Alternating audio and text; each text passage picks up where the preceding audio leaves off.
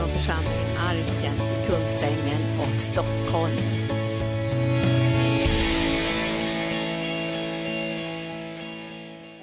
Halleluja. Tack Jesus. Halleluja. Tack lovsångare. Varsågoda och sitt. Ska vi ha en liten kort predikan. Det, var många saker idag. Men det är ju så där att eh, eh, man kan ju predika på många sätt. Man kan predika tillsammans när man ger.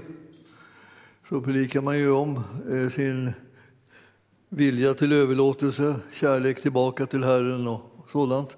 Det är en väldigt stark predikan. När Jesus satt och tittade på kvinnan som kom där med sin eh, skärv och la i offerkistorna så tittade han på dem som kom med mycket och, de som, och då hon som kom med det med det allra minsta. Men eh, det ena var liksom ur liksom rent bara ekonomisk synpunkt och det andra var liksom en fråga om hur hjärtat brann för det som var. Man kan ge av sånt som betyder någonting för en och man kan ge av sånt som inte betyder någonting för en. Och eh, uh, Herren tittar till hjärtat hela tiden. Om det är så att det är hjärtarna som får tala så, uh, så kommer alla behoven att bli mötta. Så det, det där är imponerande. Liksom. Jag vill bara säga tack till alla ni som har gett och vill göra er delaktiga i det här. Eh, och eh, sen är det så här att eh, vi ska gå till Efesierbrevet idag. Och vi, vi har ju hållit på ganska länge med det tolfte kapitlet i Romarbrevet men nu så eh, tar vi liksom en liten break där och så eh, går vi in i Efesierbrevet. Och Efesierbrevets första kapitel ska vi ta och läsa i. Och eh, Efesierbrevet är ett av de där breven som är, kan man kalla för församlingsbreven, breven som talar om församlingen.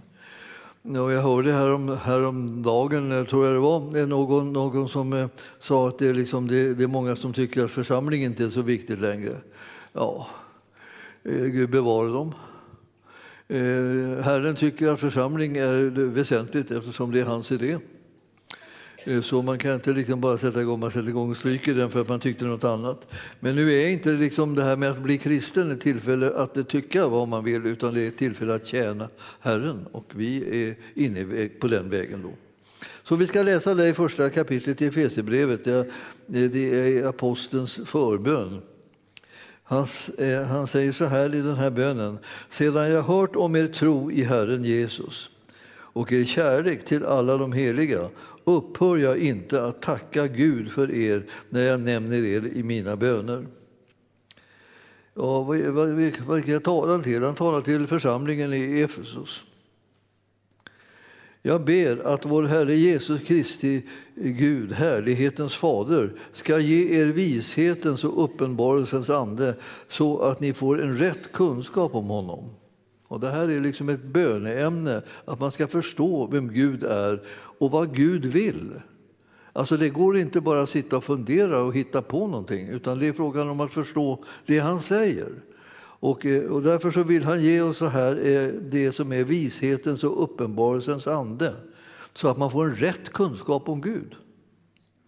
Eh, det är dyrbart att få en rätt kunskap om Gud. Och man ska inte låta någon bara fantisera iväg så, för det är liksom bara förödande för tron. Utan man ska ha en rätt kunskap om Gud och det är den kunskapen som uppenbaras i bibelordet. Jag ber att era hjärtan ska upplysas så att ni förstår vilket hopp han har kallat oss, er till och hur rik på härlighet hans arv är bland de heliga. Ni ser vart arvet tar vägen, liksom det hamnar bland de heliga. Och eh, de har ett gemensamt hopp, ett gemensamt mål. Det finns en vision, så att säga, någonstans att ta vägen någonstans och vara på väg åt. Och det här är det som en församling ska söka när det gäller Herren. Att få tag i det som är hans eh, plan med församlingen. Vart vill han att den ska ta vägen? Vad vill han att den ska göra för någonting? Och när man gensvarar just den där unika saken så betyder inte det att man avsäger sig alla andra funktioner som en vanlig församling har, utan alla de där funktionerna ska med och så ska det med det här med visionen, hoppet, målet som hålls upp, så att säga, som vi springer mot helt enkelt. Och det är det som vi ska ta fasta på. Så ber, så ber han här att alltså deras, eh, eh, deras hjärtan ska upplysas så att de förstår det här hoppet som ligger i framtiden. Vi behöver förstå det. Varenda medlem behöver förstå det i Guds församling, vad det är vi är på väg. Och vi är på väg att förverkliga visionen från Hesekiel 34 4, i positiv bemärkelse. Det är liksom dit vi är på väg. Och det handlar om helande, befrielse och upprättelse. Det handlar om att föra ut evangelium och föra in människor i Guds församling. Alltså församla församlingen kan man förstå. Att en församling ska församla sig det är ju självklart, det hörs ju på namnet. Och, eh, och, för de som, är, eh, som tänker att ja, det här var väldigt svårt att förstå, så, så sitt och titta lite grann på namnet så förstår du att det betyder församla. Församlingen ska man församla. Ska jag göra någonting i förhållande till församlingen så är det först låta mig församlas och sedan församla. Så jag har liksom det. Jag först liksom involverar jag mig själv. Jag säger ja till det. Och sen så, liksom låt, så säger jag liksom att nu är jag en som kan vara med och se till att församlingen församlas. Vi pratar med varandra, vi uppmuntrar varandra, vi styrker varandra, vi puffar varandra åt det hållet som, liksom, eh, som innebär att man kommer in i församlingen, man blir delaktig i församlingen. Det som är så härligt det här alltså. alltså då kommer hjärtarna upplysas så att man fattar att man har, att man har eh, liksom ett mål med, med livet. Eh, och, och, det där målet har Herren kallat oss till, står det här. Oss. Alltså vilka, vilka oss? Församlingen. Så det är inte så att man hoppar ur församlingen eller man struntar i att vara med i församlingen. Och så där. Det, det, går lika bra, eller liksom, det är liksom nästan bättre skulle man säga. Då slipper någon hålla på att lägga sig i. Så, så det man får man vara i fred så där, och så är man utanför församlingen. Men vet att det där har ju Herren, herren aldrig, aldrig sagt till dig. Utan vad han säger till oss alla är precis samma sak som till dem här. Nämligen att, att han har kallat oss till att vara i församlingen. Och där så ska vi vara mottagare av det här arvet också. Så det står här eh, att eh, han har kallat oss till det. Och eh, tänk, så ska vi ta, liksom, tänka på vilket rikt, hur rik på härlighet hans arv är bland de heliga. Och de heliga är de som är samlade i Guds församling. De som har kommit och blivit födda på nytt och kommit in i Guds familj. Och det där med så för att då tänker jag, ja men man kan väl vara liksom, eh, man kan väl tillhöra Guds familj utan att man tillhör någon församling och så där. Och, och, så försöker man på olika sätt eh, ta bort det här med liksom församling. Men jag vill säga till er, var noga med det som är Guds hjälpmedel. Det finns fantastiska hjälpmedel som Herren har gett. Han har gett dem till dig och mig för att du och jag inte ska liksom bli förvirrade och, och komma vilse i världen. För att du och jag ska tappa balansen och stå ensamma som en pelikan i öknen och undra vad i all världen gör jag här?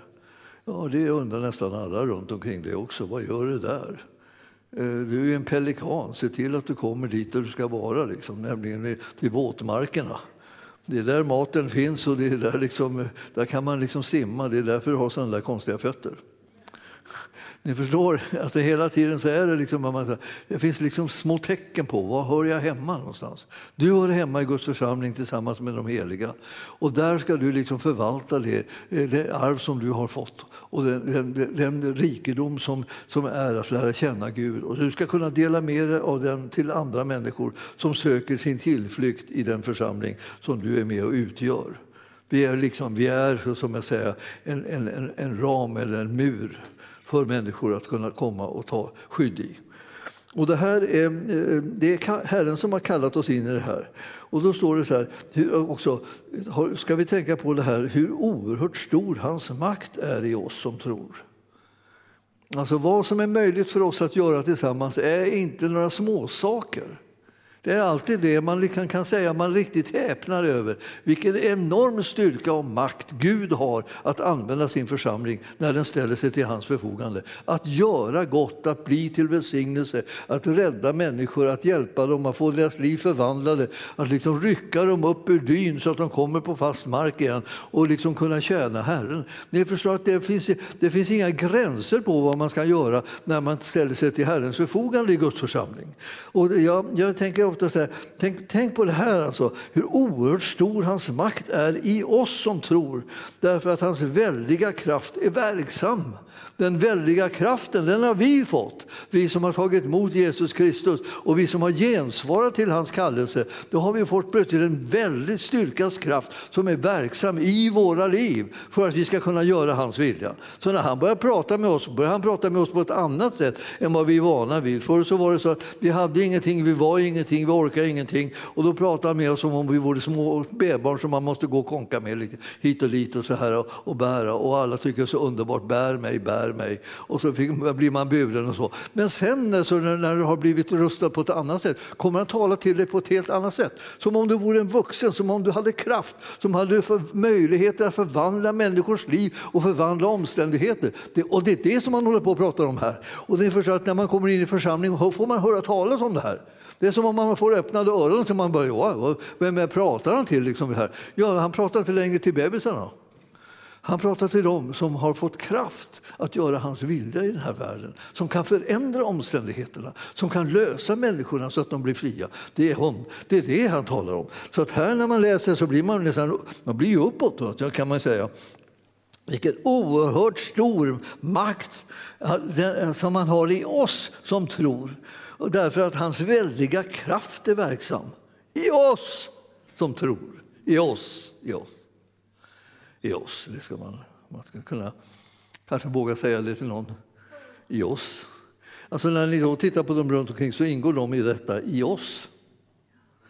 Därför liksom man, eh, församlingen, liksom, de som har låtit sig församlas kring Guds ordet, de som har låtit sig dras in i gemenskapen runt, runt omkring Herrens sanning, det är i oss som hans väldiga kraft är verksam. Det, det kan bli någonting det. Och vi, vi behöver bli någonting mer än bara små barn som han går och bär på. Som, som, som bara tänker mata mig, trösta mig. Vi, vi, vi, vi, vi har en tid då vi är små barn. Då är det naturligt. Det är naturligt sen att det går över, annars blir det oroväckande. Ni som har barn va? är glada över att de har liksom utvecklats. Även om vi tänkte, tänk vad underbart det var när de var små. Kanske när man någon tänker så här, tänk vad gulligt det var. Liksom, oh, de var så goda, så här, luktade så gott, brukar de säga. De luktade så gott. Barnen luktar gott. Ja, men jag visste det. Det gjorde de. Men det, om de nu inte kommer därifrån, då blir du orolig. Då får du ta dem, ta dem till barnavårdscentralen och undra så här, varför, varför blir det ingenting av det här barnet? Bara vill jag bli likadant hela tiden? Ja, det, det, är liksom, det är något fel. Och det är något fel på en kristen också som liksom på något sätt stannar i växten och bara blir som ett bara litet barn som ska hela tiden bara servas. Det är dags att ta vara på den väldiga kraften som Gud har lagt ner i oss.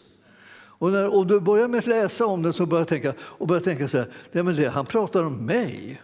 Alltså, du, ska, du ska tänka så här, här, han pratar om mig. Här, han pratar inte om några andra, några liksom, liksom, stora tjänster över världen. Han pratar om dig. Att hans väldiga kraft är verksam i dig. Det är det han pratar om. Alltså, liksom vänder vi det, tänk så här, ja, ja, tack, tack, tack, tack, tack. Jag suger åt mig det. Alltihopa. Jag ska ha alltihopa. Jag ska, så att vad helst han säger till mig så ska jag inte stå där och tala om hur, hur lite jag förmår utan jag ska tänka på vilken väldig kraft som är verksam i mitt liv. Den ska jag använda för att tjäna Herren och göra hans vilja när han nu talar om det. Jag behöver inte liksom plotta, liksom plocka bort det och tänka jag ödmjukar mig och säger jag är väl ingenting. Ja, men det har inte Herren sagt om dig. Han säger, han säger att hans väldiga kraft är verksam i dig. Det är det han säger. Fast han kallar på dig. Ja, men för att du kan känna så här, ja, men jag märker inte det. Nej, det gör du inte. Men om du liksom börjar tro på det så kommer du så småningom att märka att den här kraften verkligen rör på sig. Den vill e- åstadkomma någonting i och genom ditt liv. Du behöver inte liksom gå och räkna med att du ingenting är när han säger att, du, att hans väldiga kraft är verksam i dig. Då kan du börja räkna med att det är som han säger. Det jag känner ibland så här, tänk, tänk alltså, jag höll på att säga vilken tur, men jag menar inte vilken tur, men vilken, vilken, vilken godhet det var från Herren. Liksom. Att han liksom fick en att tro på att han kunde göra någonting genom ens liv. Istället för att man liksom skulle bara gå omkring och tänka att jag är väl ingenting i jämförelse med den och den och den. Och den och menar, och varför ska jag gå och jämföra med, med alla de som, som är mycket äldre än jag, som är mycket, har kommit mycket längre än jag? Eh, det, det, jag behöver inte hålla på och trakassera mig själv genom att ha såna, eh, såna eh, snåla tankar och, o, omänskliga tankar. Man går väl inte och jämför liksom den som är fem år med den som är femton och, och, liksom tänker, och säger till en femåring vad, vad, vad, är det här Vad är det här jämfört med vad en 15-åring kan? Du kan ju ingenting. Och då tycker man det är orättvist att säga så. Ja, men så där säger vi till oss själva. Alltså, när det gäller det andliga livets växt och mognad. Jämför oss med sådana som, som har vandrat länge, mycket längre i tron. Vad är väl jag för någonting?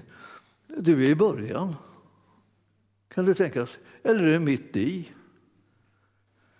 Du är inte färdig än, kan man säga också. Men du måste räkna med att den väldiga kraften, den har han ställt till din förfogande från första stund. Förstår du det? Alltså förstår, från första stund har han ställt sin väldiga kraft till ditt förfogande. När du börjar tro på den och börjar handla på den, då börjar ditt liv så att säga, utvecklas åt det håll som det ska. Istället för att du liksom bara sätter dig ner och ger upp och tycker att, det, att jag är väl ingenting att räkna med. Den enda som liksom håller på och säger att du inte är någonting att räkna med, det är du själv faktiskt. Om du frågar din pastor så kommer du säga visst eh, har, har du betydelse och visst kan du utvecklas och visst kan du, har, har du gåvor som du kan använda och sätta igång och sätta i rörelse. Ja, visst är det möjligt för dig.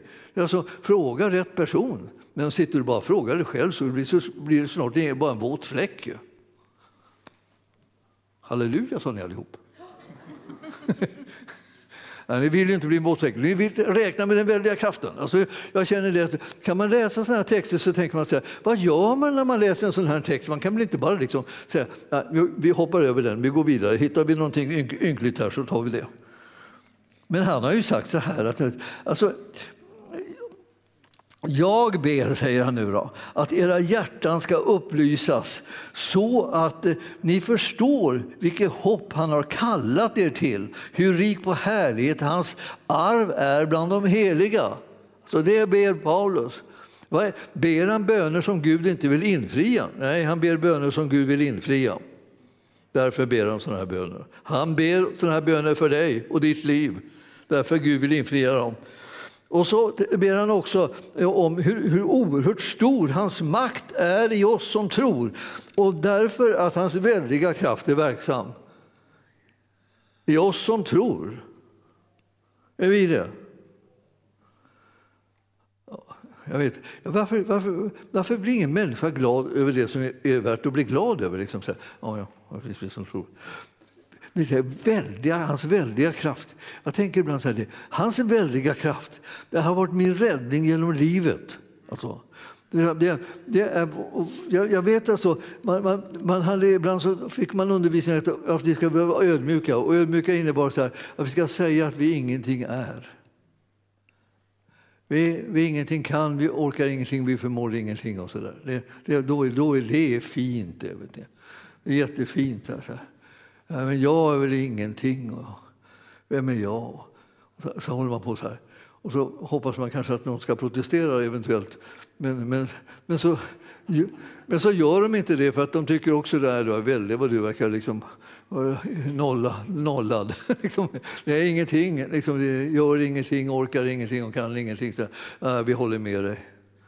Och då blir man nästan lite förnärmad. Ska hålla de med mig också? Det var ännu värre. Det har blivit ännu värre. Allting bara försämras, förvärras.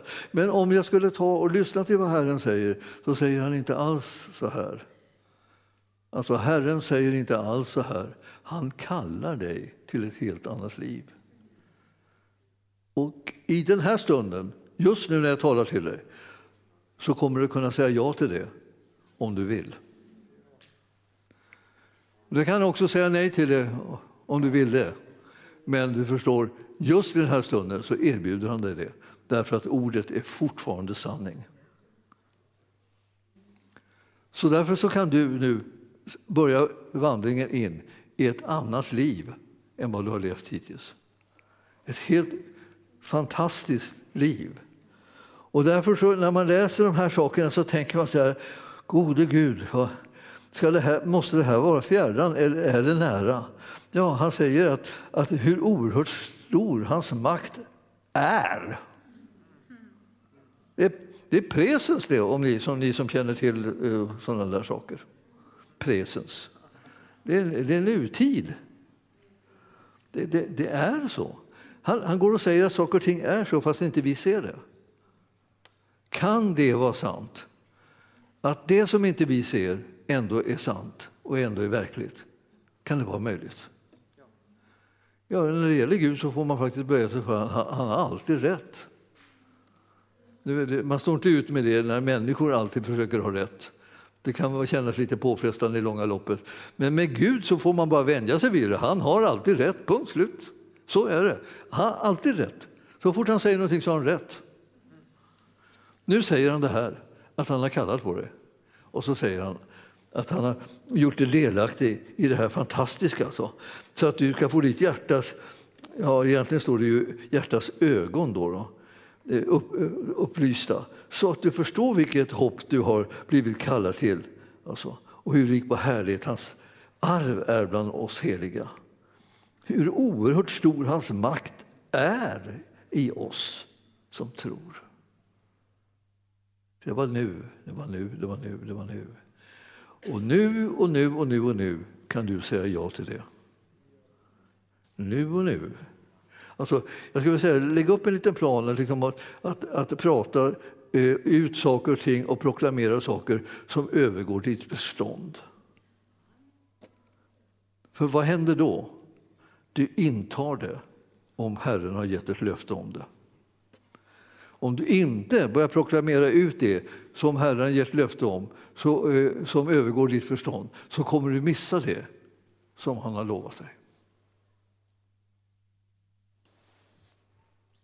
Jag tar det igen. Det, är liksom, det, är nästan, alltså det är så, låter så hemskt bra så att man skulle kunna få sitt liv förändrat om man vågade sig på att lita mer på Gud än på sig själv.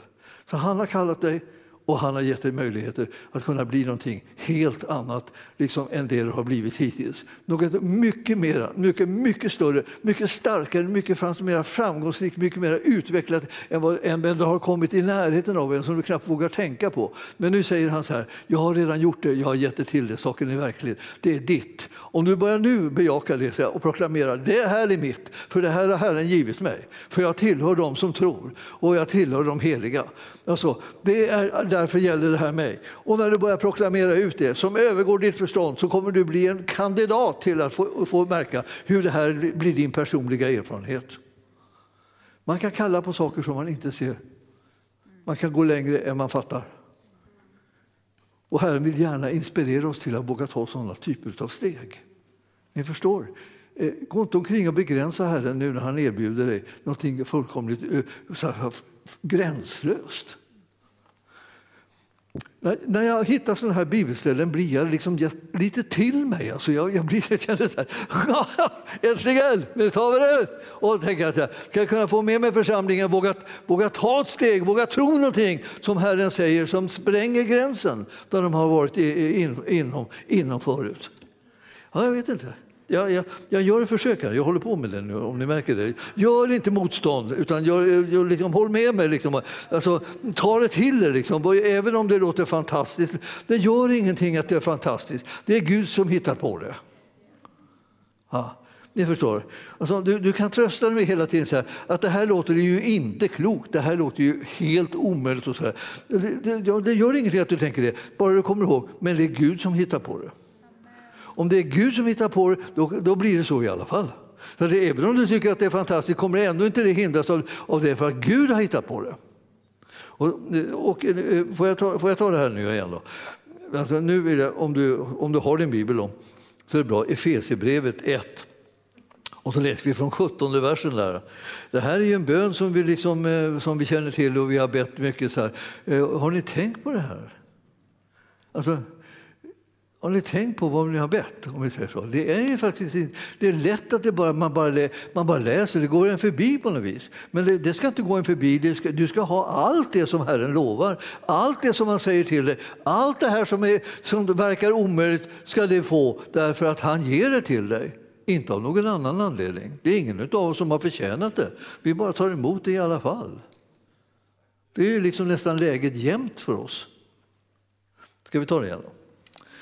Jag ber att vår Herre Jesu Kristi Gud, härlighetens fader, ska ge er vishetens och uppenbarelsens ande så att ni får en rätt kunskap om honom.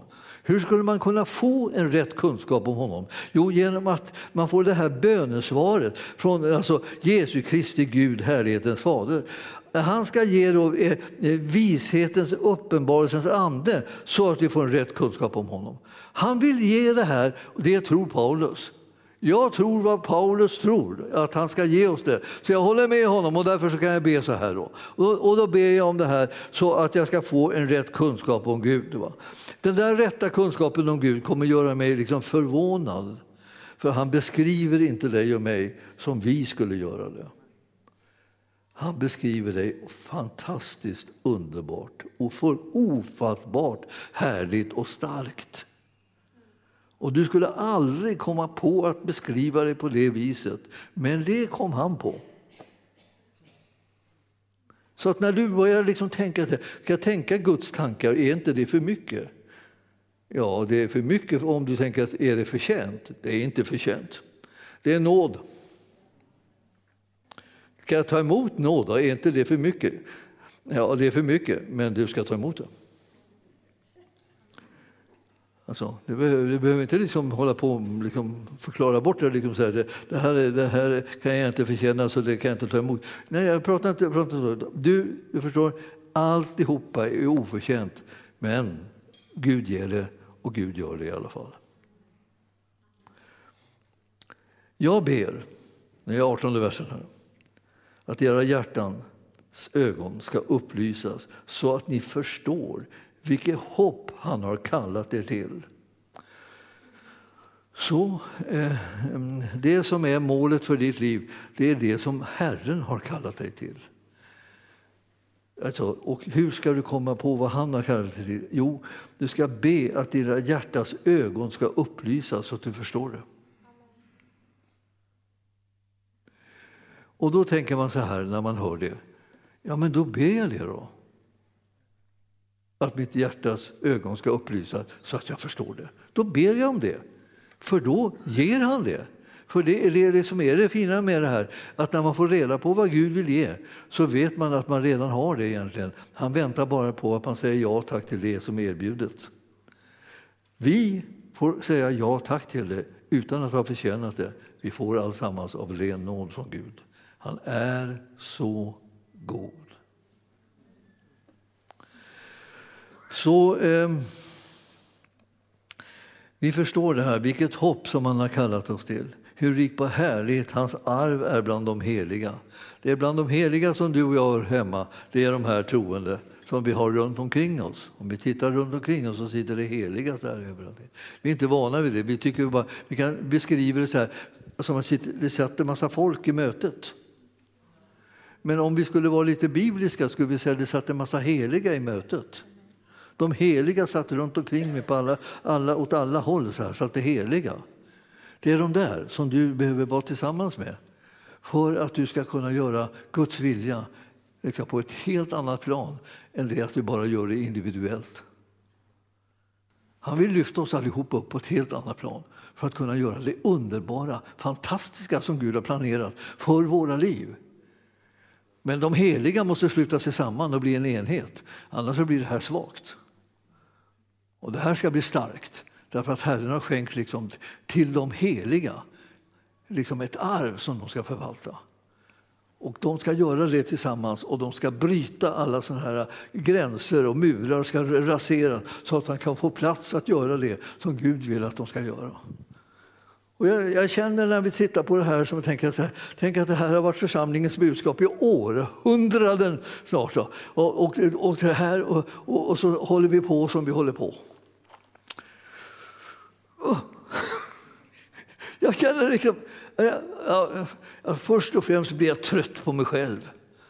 Det måste jag erkänna. Vad i all, vad i all världen är det för... Liksom, vad är det för liksom, effekt som så att säga, förkunnelsen har när liksom man kan hålla på med sådana här ord och ber, hela församlingen ber de här bönerna och, och ingen märker liksom vad han säger. Han, han säger sånt som skulle göra en liksom nästan upprörd, liksom alldeles upprörd, upprörd, upprörd liksom över att det, liksom något sånt här otroligt ofattbart skulle liksom påstås i det här ordet. Men så är det Guds sanning som påstås. Och då tänker jag, varför upptäcker vi inte det? Det verkar inte som vi tål Guds sanning. Den är för bra. Det blir för bra. Alltså. Då märker man inte vad han säger. För att han, han går ju och säger här att hans, det som han tänkte ge som ett arv, alltså det, det, ska vi förstå hur oerhört stor hans makt är i oss som tror, därför att hans väldiga kraft är verksam i oss! Förlåt. Jag vet inte. Ibland så tror man, tror man när, när, när den, liksom, när den liksom, eh, vad ska jag säga, bara vanliga liksom, eh, eh, kraften tryter så måste man liksom skrika lite. Va? Så tänker man sig kanske det går. Men det är inte säkert att det går heller, men kanske. Det kanske var någon som hörde mig plötsligt. Vad är det med honom? Vill han någonting? Ja! Jag vill någonting! Jag vill att ni ska förstå att den här väldiga kraften kommer från Gud. Och han har lagt ner den i våra liv och vi kan tillsammans utföra Herrens gärningar på ett högre plan än vi någonsin har gjort tidigare. Ja. Vi behöver bryta oss fria från begränsningarna och göra det som är stordåd i hans namn. Alltså. Jag känner mig så... Jag, jag, vet inte vad jag känner mig som nästan. Alltså, jag tänker, Guds församling, ni förstår att det är Guds församling det är ju en sån gåva så det är inte likt någonting. Han har gett den till oss. Du och jag får leva i Guds församling. Och så, så hör man liksom lite folk som säger att ja, det, det, det här med församling är inte så nödvändigt längre. Vad är det för bebisar som pratar? Ja, har de inte läst ett enda skvatt i, vad i skriften? Guds församling är Herrens idé och det är där han vill ha sitt folk, de heliga församlade, så att de kan gensvara till att förvalta detta fantastiska arv som vi har fått av honom, som ger oss sån kraft att vi kan göra vad helst han säger till oss. Det är det så det ligger till. Ja, sista biten nu då. Nu ska, jag ska ta den här sista biten här. Alltså, men, alltså, alltså, med denna kraft, nu är 20 versen alltså, Första kapitlet, 20 kraft, Efesierbrevet. Med denna kraft verkade han i Kristus när han uppväckte honom från de döda och satte honom på sin högra sida i himmelen. Över alla första väldigheter, makter och herradömen, ja, över alla namn som kan nämnas, inte bara i denna tidsålder utan också i den tillkommande. Allt la han under hans fötter och honom som är huvudet över allting gav han åt församlingen som är hans kropp, fullheten av honom som uppfyller allt i alla.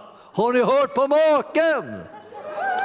Det är så jättebra så man blir aldrig, för, man blir aldrig förtvivlad över att det inte märks. Va? Jag vet inte varför jag är så skrikig idag. Jag, vet, jag, vet, det är, det, det, jag får dricka lite vatten så jag kan skrika vidare. Ni förstår. Det här är övermåttan härligt och underbart och fantastiskt. Om du börjar tänka så här, vilken nåd det är att jag får tillhöra de heliga som församlas i Guds församling. Jag ska inte missa den en millimeter. För jag kommer att kunna bli delaktig i hela den planen som Gud har för sin församling och för sitt, för sitt folk. För att de ska kunna fullborda sitt lopp och genomföra det som Herren har kallat dem till.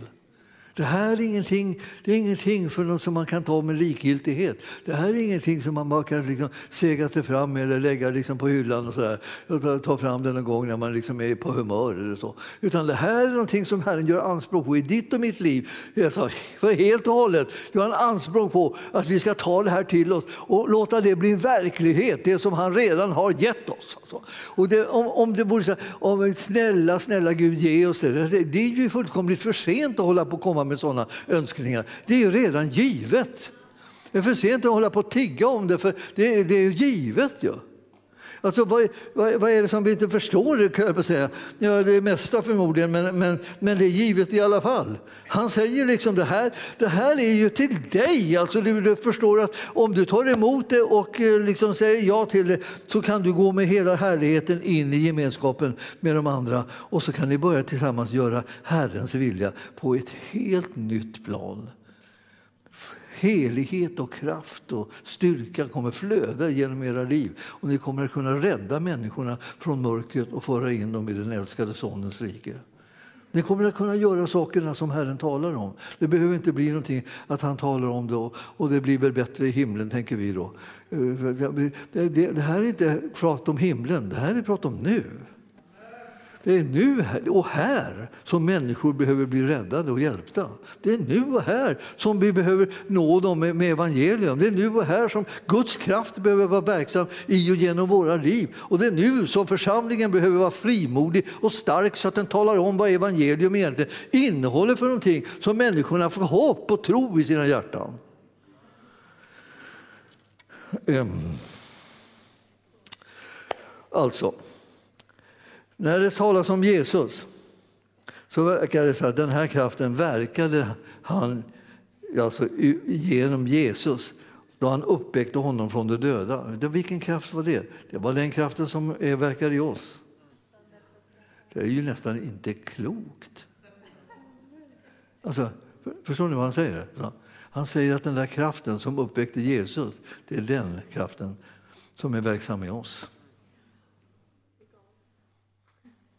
Och vår, vår tanke skulle vara, det hade jag ingen aning om. Nej, det hade vi inte. Vi hade ingen aning om det. Det hade vi inte märkt, ska man säga. Vi har inte märkt, jag har inte märkt, har inte märkt någonting. Skulle den kropp, är det uppståndelsekraften? Kommer ni ihåg att vi hade eh, Graham Powell här? Så här Res dig upp i uppståndelsekraften, påstod han. Och alla försökte då liksom resa sig upp. Men man, man visste inte riktigt vad man ska göra. Hur ska man göra det? Alltså, man behöver tro på det. Det är när vi tror på det som Gud har gett oss som vi kliver in i det och reser oss i det så att vi har det med oss när vi möter människor, när vi eh, liksom krockar med världen på olika sätt och när vi ska genomföra saker så att vi kan liksom röja mark så att det som är Guds vilja bryter igenom och inte andra saker. Ja, jag, jag kan, kan, känna att, liksom att det, det, det, är, det är storartat det här. Alltså, som säger, Jesus alltså, han, han uppväckte honom från de döda. Han satte honom på sin högra sida i himlen och över förstar och väldigheter och makter och herradömen över alla namn som kan lämnas, inte bara i den här tidsåldern, också en tillkommande. Det så, så var läget liksom, när den här kraften verkade i Kristus. Den här kraften som var, som var verksam, hans väldiga kraft verksam i oss. Och så allt det här la han sedan under hans fötter. Honom som är huvudet över allting gav han åt församlingen. Så Jesus blev given till församlingen. Han är huvudet över allting, det vill säga han är alltings källa. När vi har honom har vi allt. Ni känner till det. Alltså utan, utan honom säger vi, har vi inte någonting nästan. Men med honom har vi allt. Det, det, det var att han är huvudet för församlingen. Det är så, som är hans kropp. Alltså församlingen är hans kropp. Skulle vi inte behöva församlingen? Den är hans kropp. Skulle han inte behöva sin kropp? Det är därför han har skapat den, liksom för att den ska vara hans kropp, församlingen. Och den är fullheten av honom som uppfyller allt i alla. Alltså det, jag, jag, känner ibland så här, vad, hur, hur, ska vi, hur ska vi få till jag säga, eh, väckelse? Först, först tror jag vi måste komma på vi behöver alla bli väckta. Det är som om det här är som någonting som vi nästan sover för. Det är så bra så vi bara sover. Vi blundar för det, vi kan inte se det, vi kan inte förstå det. Det är för bra. Men du vet att det är inte meningen att vi ska reagera på det här sättet när, när Gud håller på och talar och har gjort saker. Att vi ska tänka det är för bra. Tack så mycket, det var vänligt tänkt men jag lämnar det för det är för bra. Alltså, de flesta har ju inte eh, emot någonting liksom som är bra. Men det är det där med för bra som är jobbigt. Då, då, då, vill man inte tro det, för man vill ju inte bli besviken. Man vet ju att det kan ju då, tänk om det inte blir så där som är alldeles för bra. Om det inte händer, då blir man ju besviken. Man vill inte verka dum eller så, man går på saker och ting. Men ni förstår att, att Herren, Herren är den som talar de här orden. Det är han som säger det, det är han som visar det. Det är, det är honom som vi måste räkna med när vi håller på att ta ställning till de här tingen. Vem har, vem har sagt det här? Vem har sagt att, att det här skulle ske? Vem har sagt att vi kan göra de här sakerna? Vem har sagt att det här betyder någonting att komma samman i Guds församling och, bli liksom, och samlas som heliga allihopa? Vem, vem, vem säger att det är så betydelsefullt? Det är Gud som säger det. det är inte, det, och så säger han, ja, nu har jag, jag har gett er Jesus. Alltså, jag har gett er Jesus för att ni skall med hans kraft och honom som källa göra min vilja i den här världen. Jag har gett er Jesus för att ni ska klara av att göra gudomlig vilja med gudomlig kraft i den här världen. Jag har gett er Jesus. Jag vet. Alltså, jag, är det bara jag som är det bara jag som läser att det står så eller är det så att ni kan läsa det till också? Märker ni liksom att han är given? Det står allt la han under hans fötter och honom som är huvudet över allting gav han åt församlingen. Jag kan inte hjälpa att det står så. Då ska vi säga att det kunde väl stått något annat, ja, men det gör det inte. Det är det som är problemet. Det står så här, så att det kan bli hur, det kan bli hur underbart, hur hälsosamt, hur häftigt, hur starkt som helst. Jag, vet, alltså man kan inte bara liksom, ah, vi stryker där. Vi stryker slutet av det där första kapitlet på Efesierbrevet. Det är bara skapar problem. Det, är liksom, det blir som ingen människa som kan tro på det här när de inte märker det. Men man märker inte förrän man går in i det. Det här är vanlig ordning så att säga, i Guds rike. Om ni vet att det här är så här i Guds rike, att om Herren liksom kallar till någonting så, och, du, och säger att det kan du göra, så kommer du inte märka att det är sant förrän du går in i det. Har du märkt det? Det, det, det är i alla fall det som är principen. Så man står, så länge man står där och velar märker man ingenting. Men så småningom när man kommer får en tro på det, när man har läst det tillräckligt många gånger, så märker man det. det här är ju Herren. Ja, det är Herren. Ja, man blir som Petrus när, han, när Jesus kommer gående på vattnet och så, eh, så, och så går han på vattnet och säger kan du komma och säga att jag kommer? Och, och, och, så säger han kom. Och tänker, Ja, jag kommer, det är ju Herren. Så kommer han, så kliver han ut i vattnet. Ja, vad, vad märker han då? Han kan gå på vattnet. Det var ingenting som han märkte innan han klev ut. Det var det han märkte när han klev ut. Och därför är det så här med allting som är Guds rike när det gäller utmaningar. Vi märker hållbarheten i det när vi kliver ut på det som är Herrens ord. Och i det här fallet så är det så att vi behöver väldigt mycket kraft. Och så står det liksom att både hans makt som är i oss som tror, det är ett uttryck för att det kommer att bli hans väldiga kraft som kommer att vara verksam genom oss. Det är det som är sanningen. När märker vi det? När vi kliver ut i det. Eh, då är det alltid någon som säger du, jag hörde, jag tyckte det var väldigt fint, så här, fin predikan, det var eh, bra predikan, så här, men du vet att jag tycker det är lugnast att liksom inte hålla på och ta sådana där typer av steg. Jag tar liksom mera steg så jag känner liksom att med, eh, som jag känner frid för. Jag kan säga det att de här, de här stegen som du känner frid för, de kan vara bra i vissa situationer, men när du ska inta mark så ska jag tala om för dig att det är mycket sällsynt att du känner någon särskild frid för det. Du känner att det är nervöst.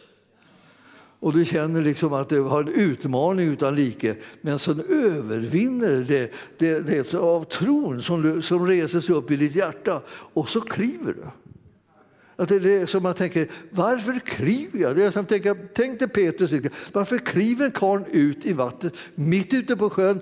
Alltså, förmodligen var, kunde han inte simma, var inte vanligt. De, de ska ju vara i båten. Så, eh, så, så, så, så kliver han ut ändå på sjön. För han säger att Jesus kan gå på vattnet. Det är ju inte så att du och jag tänker bara, om Jesus kan så kan jag det, är, det är mer sällan som vi får liksom det klart för oss att i vissa stycken så är det just så. Jesus kan det och om han säger kom, då kan jag. Men är jag nervös för att ta steget? Ja. Men när tron segrar mot nervositeten så kliver jag. Fast jag säger sluta nu, vad gör du det här för? Det här kommer aldrig gå väl. Men jag har ju liksom redan klivit därför att det, liksom, det blev som att det, det, blev en kraft som förlöstes liksom genom att jag trodde. Så mitt ben åkte ut bara. Och sen var plötsligt var jag där på, på vattnet och tänkte, hur gick det här till? Hjälp! Och han, han kom ju in i det där, hjälp och hjälp. Och sen började han tänka på hur, hur dåliga odds det var att gå på vattnet en sån här dag när det blåste så fruktansvärt och liksom vågorna var skyhöga. Han åkte upp och ner. Ibland såg han Jesus, ibland såg han honom inte. Liksom så här. Det måste ha varit en riktig påfrestning. Liksom, känna så här. Jesus, vad är det? Upp, så åkte han ner. Så åkte upp, upp, upp, Vilket håll ska jag gå åt? Han var livrädd. Och så, och sen, sen började han bli helt upptagen av alla de där grejerna. Vågor hit och dit och vinden blåste. Så tänkte han, hjälp, jag går under. Och mycket riktigt, han började sjunka. Då. Men du vet, de där första svängarna, vad var det för någonting? Det var tron som segrade över omständigheterna. Vi har en möjlighet att ge oss ut på den här typen av vandring med Herren och han vill det gärna. Och han älskar när vi, vi tror på honom mer än vi egentligen törs. Alltså.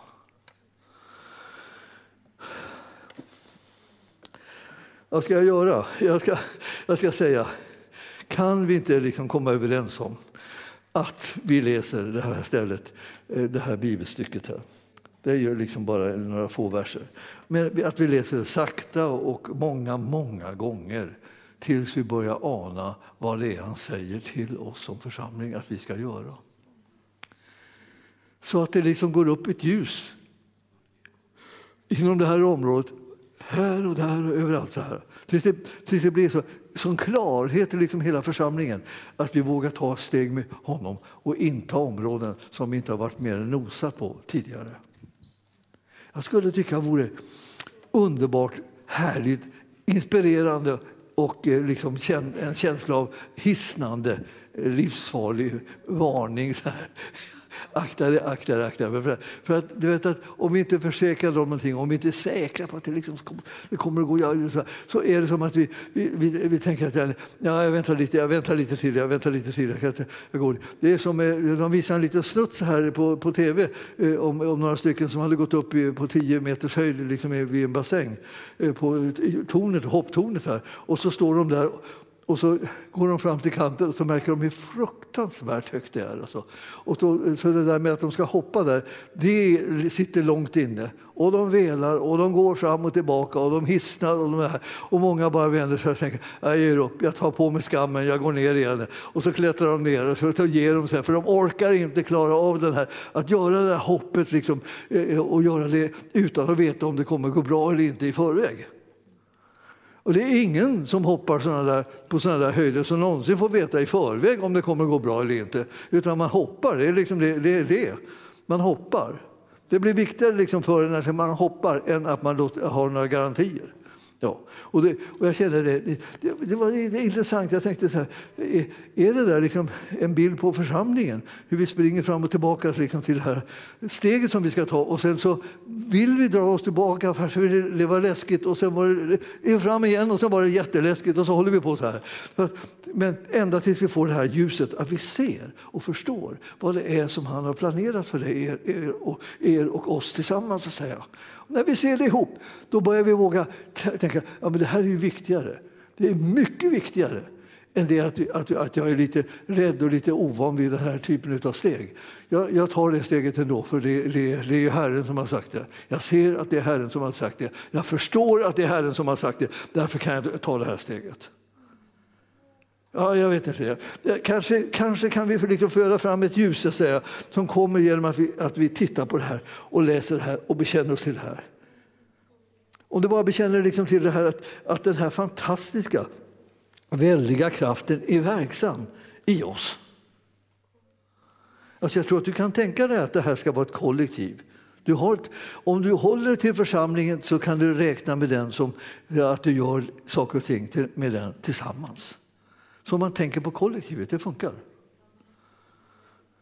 Så det är så. Och den här kraften, att den verkar, den verkar han i, eh, i, i Kristus. Och han, han uppväckte honom från de döda och satte honom på sin högra sida i himlen. Den här kraften. Den här kraften, den här kraften alltså.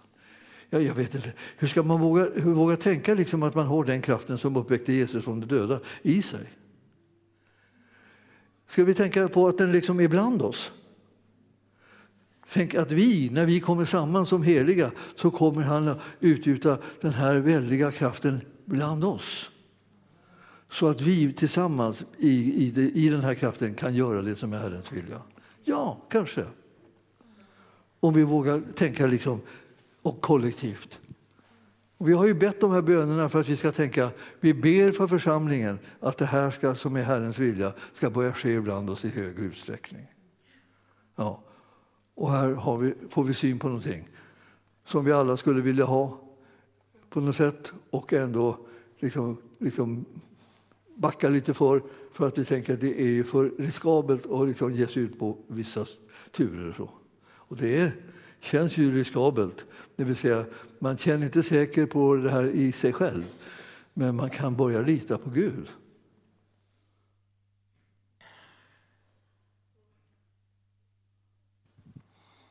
Himmelske Fader, vi ber att du kommer med din Ande och upplyser våra hjärtans ögon så att vi ser och förstår det som är din vilja och vad du har gjort för oss så att vi kan ta emot det. För vi behöver kunna ta emot det för att kunna göra din vilja. Vi behöver få mycket av din utrustning för att kunna genomföra och fullborda det som är vårt lopp.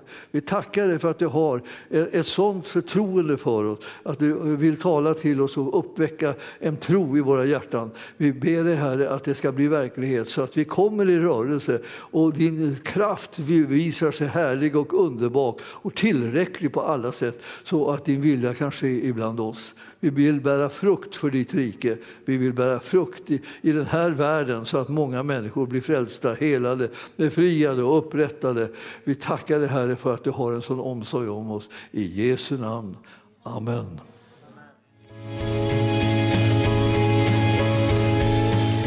Tack för att du har lyssnat. Vill du få del av mer information om församlingen Arken, vår helande tjänst, bibelskola och övriga arbete, gå in på www.arken.org.